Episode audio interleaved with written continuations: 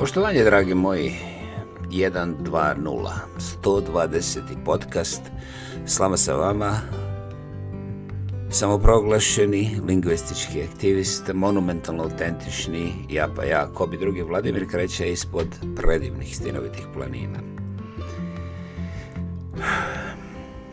Lijepo dišem, a koristim malo kulturni mikrofon, pa, ćemo, pa ćete čak i to moći čuti. Nalazim se u svome Ehm, kažu toplom domu, jeli? Ok, ja to neću provjeravati.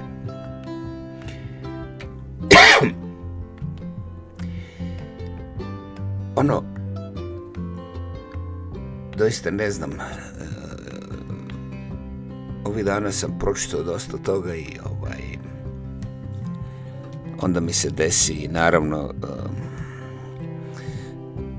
mada ja otprilike znam gdje bi kompas trebao da bude u toj priči. A, doista znam, čak sam provjeravao i, sa psihijatrima. Ovaj, obično te ambivalencije tu i tamo pobjede. A, to neće reći da sam ja izgubio, nego jednostavno još uvijek nisam u apsolutnoj kontroli. Nadam se da ću imati grijehova i grešaka dok budem živ, a kad umrem onda ću vjerovatno postati perfektan jer e, nije to zbog mode, znaš ono to lijepo izgleda na ovima koji pričaju, dakle umjesto da se žale, oni će morati da se hvale i eto mene idealno. A ovaj, to je dosta, dosta ovaj, lijepa zamisao koja čak ponekad funkcionira, ovaj, ima tu nekih imena koje ja neću pominjati ali i života koji su poravnati na toj formuli i radi, funkcionira. Danas sam u maniri Helene i Vlade iz najboljih dana prihvatio poziv jednog derena koji je neku godinu dana stariji od mene i koji u Kanadi živi, kako on sam kaže, 40, vjerovatno 50 godina nemam ništa protiv. Ovaj, ali znaš, ja sam u Kanadi još od 76. Dobro, ne može se računati od 76. jer sam došao 78. Ali ja sam kod strica u, ovaj, u British Columbia dolazio još 72. Dobro, odlično je. Mislim, 72. nisam baš došao, nego, nego on htio da me povede, ali nije uspio zbog toga što je bio neki kvar na avionu. Odlično, fantastično, mislim, avioni se kvare i danas, a kako ne bi u ta vremena. Ja kaže, da, da, vidi, ti si pametan čovjek. Meni ovako kroz stomak proradi koliko sam pametan. I ovaj, ne mislim, ne mislim. E, nisam se ja iznenadio da taj gospodin nije profesor Nacionalne akademije. Izaberite, hoćete Zimbabve, hoćete Kanadu, ista stvar i onda on nastavi priču da je on, ja, slušaj, ja sam 100% u Kanadi minimum 45 godina. Dobro, može se račun 47, ali od 72. pa to bi moglo biti 48, 49. Ma 50 se to može računati. Dobro, slažem se da si toliko godina, mislim, to je, ovaj, to je impresivno. Ma kaže, ne znaš ti šta to znači? Pa, normalno da ne znam čoveče, mislim, otkud bi ja imao toliko znanja na jednoj hrpi, mislim, samo ti mi reci, kaže, e, ali vidiš, nisam ja baš 49-50 godina, znaš, ipak sam ja, ovaj, mislim, trebao sam doći 72, ali nisam došao, dobro. I ja sad gledam na ovaj moj timer koliko ovo moje objašnjenje traje i već mi muka od mene, znaš mislim ovdje, sada u ovome podcastu, muka mi od sebe. ovoga derana nisam izmislio jer moj mozak je plitak da izmisli takvu pličinu. Ovaj, ono, definitivno, totalno, apsolutno. možda bi me 50 godina ranije bilo sramota tako nešto pomisliti. Danas se sa tim ne hvalim, ali Boga mi upozoravam na tu mogućnost kao na ozbiljnu bolest. Ne dozvolite to sebi. Neki ljudi vam uđu pod kožu i onda onda više nema spasa. Morate ili crknuti taj dan ili nekako preživjeti. Nevolja je što se crkava na nogama, i što nema metka, što nema noža, nego je uvijek, e, ali znaš, ja kad bolje razmislim druge. to je isto kao da sam bio, jel, mislim, jer, mislim da se taj avion ne pokoja, a taj avion nije bio naš, razumiješ, i, i, i ovaj moj stric je, znaš, on je rekao da, da, da nema mjesta u titnoj državi za nas, razumiješ, u pa redu je, u redu I onda počinje priča o tome, o tome banditu koji je ovaj, pobio zilion ziliona naših brojka se mijenja zavisno od temperature, donekle od temperature, ali ne može da traje 20 sekundi, ono 30 sekundi, ne može da preskoči u treću rečenicu jer to je njihova rečenica i onda se to prebraja ponovo i ovaj broj žrtava raste od toga bandita, razumiješ, jednonogog ovaj, kojih su nam podmetnuli jer onaj je pravi originalni nikad nije preživio i tako dalje. Ako mislite da imate nekada bijedan dan, ako mislite da su ovi oko vas davitelji, eto, sad znate i jedan od mojih razloga da vam ja kažem ovu priču koja na moju zastrašujuću, monumentalno, monstruoznu žalost nije izmišljena. A, ja sam pokušao disati, pokušao sam brojati u sebi, pokušao sam vizualizirati razno razne stvari, recimo ono da je publika u gaćama. Nije bilo nikakve publike, znaš, ali ono, znaš, da se napregnem pa skupim dvoje, troje u gledalište da vidim kako imaju gaće, ne ide. Ne mogu da se nasmijem sebi šta pokušavam da vizualiziram. Znaš, ono ima jedan od ozgu sa brda posebnu kameru koja samo snima moje vizualizacije i onda ovaj, vidi kako se ja naprežem da, da skupim te ljude koje, hoću samo da vidim u kakvim su gaćama. I onda ovaj, taj Deran, taj kamerman sa tom nekom izmišljenom kamerom se smije. I ja mislim da bih ja trebao nešto da mu kažem, ono da poštuje starije te stvari. Ali ja otkrivam ovaj me drma, znaš, kaže, ali ja sam ipak došao 72. znaš, jer to strašno. Ja kažem, okej, da, da, je, to 100%. Kažem, ali ne znaš ti šta je bilo 92. ovdje u sjevernoj Britiš Kolumbiji? kako bi znao čovječe, ja ne znam ni danas, ono, znaš. Ali kako je moguće da ne znaš danas kad ti imaš, znaš, lijevo, desno, e, ja kažem, znaš, pa ta sjeverna Britiška Kolumbija je otprilike velika kod dvije Njemačke. Koje Njemačke? Istočne ili zapadne? Ja kažem, pa evo već ima, sad ulazim u neko ozbiljno ovaj, vrijeme kad više gotovo da nema ni stanovništvo koje se sjeća tih nekakvih podjela istočne i zapadne. Postoji samo jedna Njemačka. Kakva jedna Njemačka? Pa ja kažem, ne znam, je li ima neka druga? Kaže on, pa ima istočna, ima zapadna. dobro, slažem se, ali mislim ima istočna i zapadna Kanada, samo što tu nisu različite države. Kaže, ali vidiš, istočna Njemačka je bila različita država. Ja kažem, bila, u, da, da, ja slažem se. Kaže, e, vidiš, ti to ne znaš, ja ću to tebi objasniti.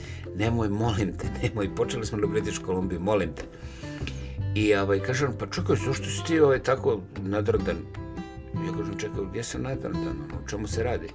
Kaže, ja tebi hoću lijepo da kažem da sam ja došao sa 72. Ja, ja tebi najljepše kažem da se slažem i da je to okej. Okay. Ali kaže, ti ne znaš kako se avion pokvario. Ne znam, majke, to je bilo 72. godine, ja ovaj, nisam baš ono bio zainteresiran za avijaciju. Kaže, e, pa zato ću ti ja objasniti. Dobro, evo, poslušam.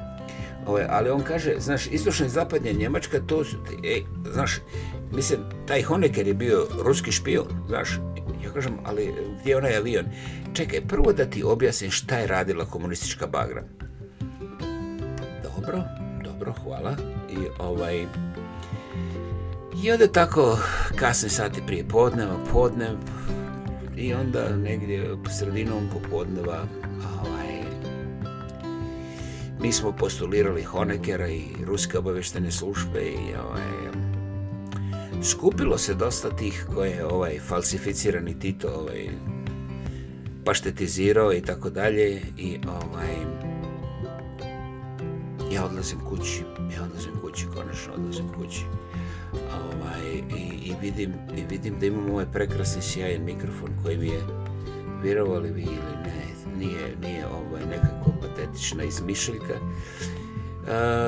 mislim 2013. E, za Božić Helena mi je jedan to ovaj Jeti, to je gotovo profesionalna ovaj, spravica koja evo iza mojih leđa sviraju ovi iz Donjeg Svrljigovca, možete čuti i to, ali naravno ja snimam u uskom pojasu pa nema tih odzvanjanja i na kraju krajeva ne koristim softver kako bi ovaj mikrofon zapravo ovaj, e, ušminkao moj glas do onoga profesionalnog nivoa, znaš ono malo ubrza, šištanja ovaj, izbaci i sve te a, e, začepljenja u izgovorima, znaš, dovede u idealni balans tako da u vaše uho legne kao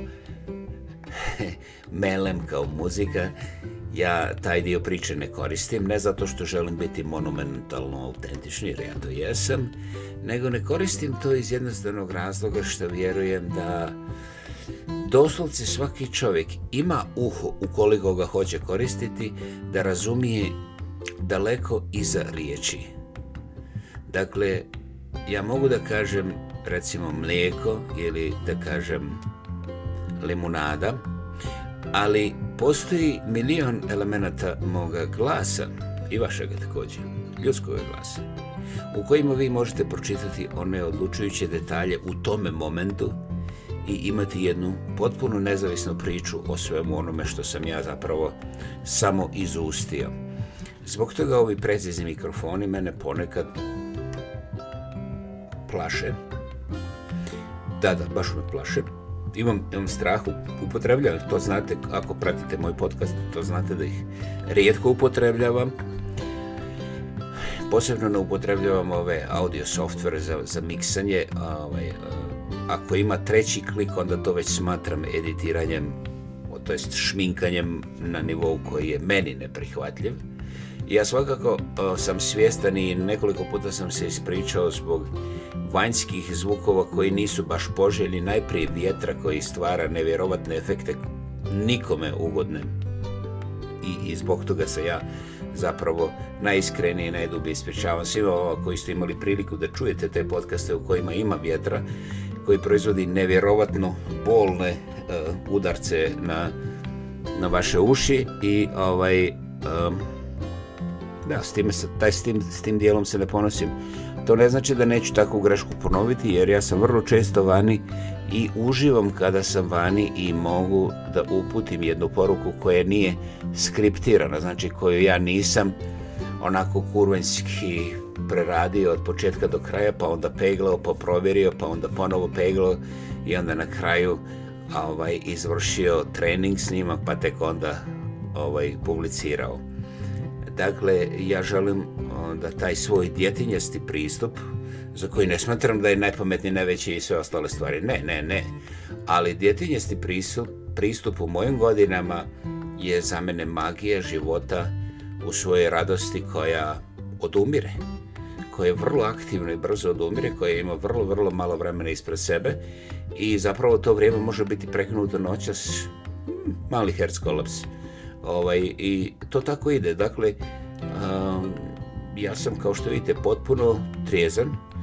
Nisam napijen, nisam droger, ni sve ostale stvari. Potpuno sam svjestan toga. Ovo je doista istinska svijest o tome što meni slijedi u tom egzistencijalnom um, vrtlogu, možda već večeras.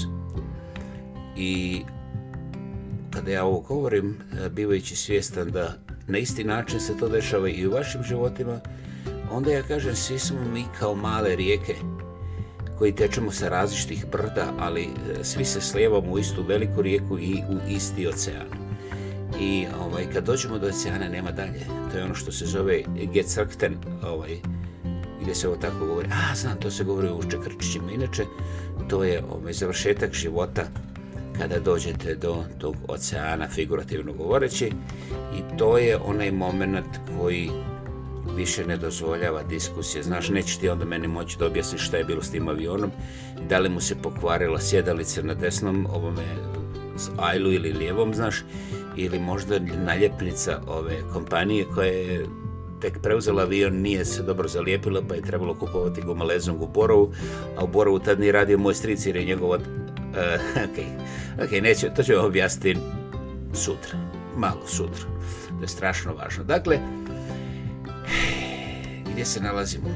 Slijevamo se u taj ocean, svi dolazimo sa nekakvih brda i jeste, naši životi su rijeke koje ne možemo zaustaviti bez obzira šta pokušali, ali interesantno, vrlo lako te rijeke možemo zamutiti vrlo, vrlo lako te rijeke možemo zamutiti, vrlo lako možemo te rijeke preopteretiti i onda ih prosuti po nečijem suhom sjenu ili po tek dovršenoj kući. Znači imamo veliku moć za razaranje koja je vrlo često izvan naše stvarne svijesti.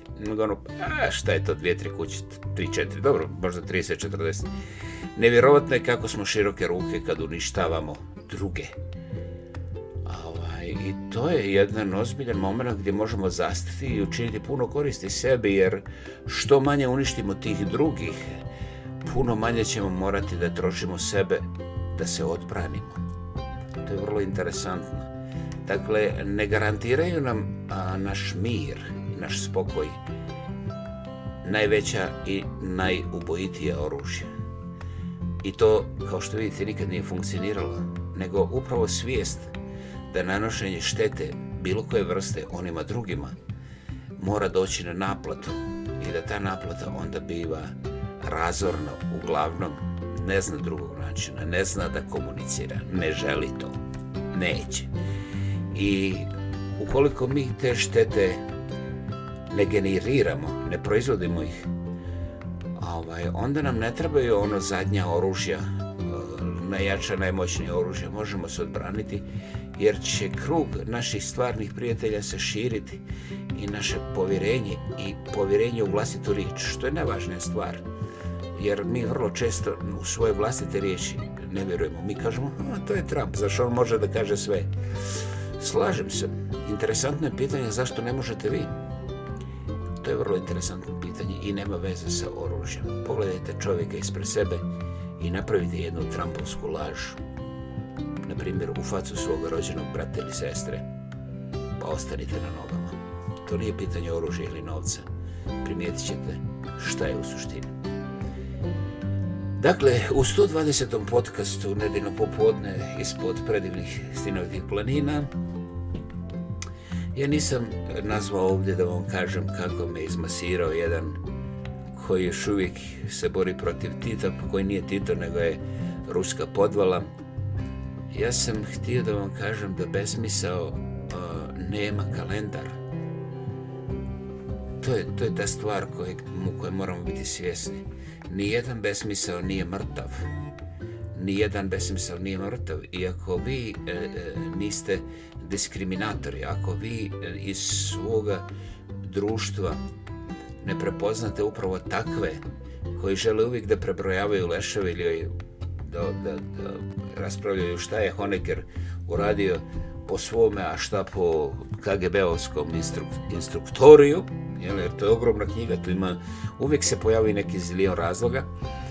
Ovaj, onda ste, e, već sada živi mrtvac, onda ste rijeka koja se neprestano izliva, muti i, i, i ruši i nećete dobro proći, ne možete dobro proći. Ne možete dobro proći čak i ako ste redovni platiše indulgencije u vašoj lokalnoj crkvi, džami, mošeji, ne znam gdje već idete, gdje se klanjate Bogu. Ja se Bogu, Bogu klanjam kroz ovu riječ, poštujući čovjeka u svakom od vas i da glasno kazujući. Premda ste vi svi za mene inkognito, e, ja vam se obraćam kao da svakog pojedinačno personalno znam, jer ukoliko cijenim čovjeka ispred sebe, a to ste u ovom slučaju sada ovdje vi, onda ja imam dovoljno snage da vjerujem u svoju vlastitu kralježnicu. I to je moj najveći dobitak. Istovremeno taj dobitak je radost. Da, puno prije toga. Sve je protkano sa ljubavlju koja nema kompletno ime i prezime, jer je ljubav. Kao sunce obasjeva moj dan, moj život, moj stan i sve oko mene. Osjećam se predivno. Čast mi je družiti se s vama i Osjećam se povlaštenim što mogu da vam isporučim jedan miran, podnevni, nedeljni podcast koji svim srcem putuje prema vama. Hvala vam, želim vam sve najbolje i ubrzo se čujemo u 121. podcastu Slama sa vama. Ispod predivnih stjelovitih planina, Vladimir Kreća, a bi drugi. Hvala najljepše.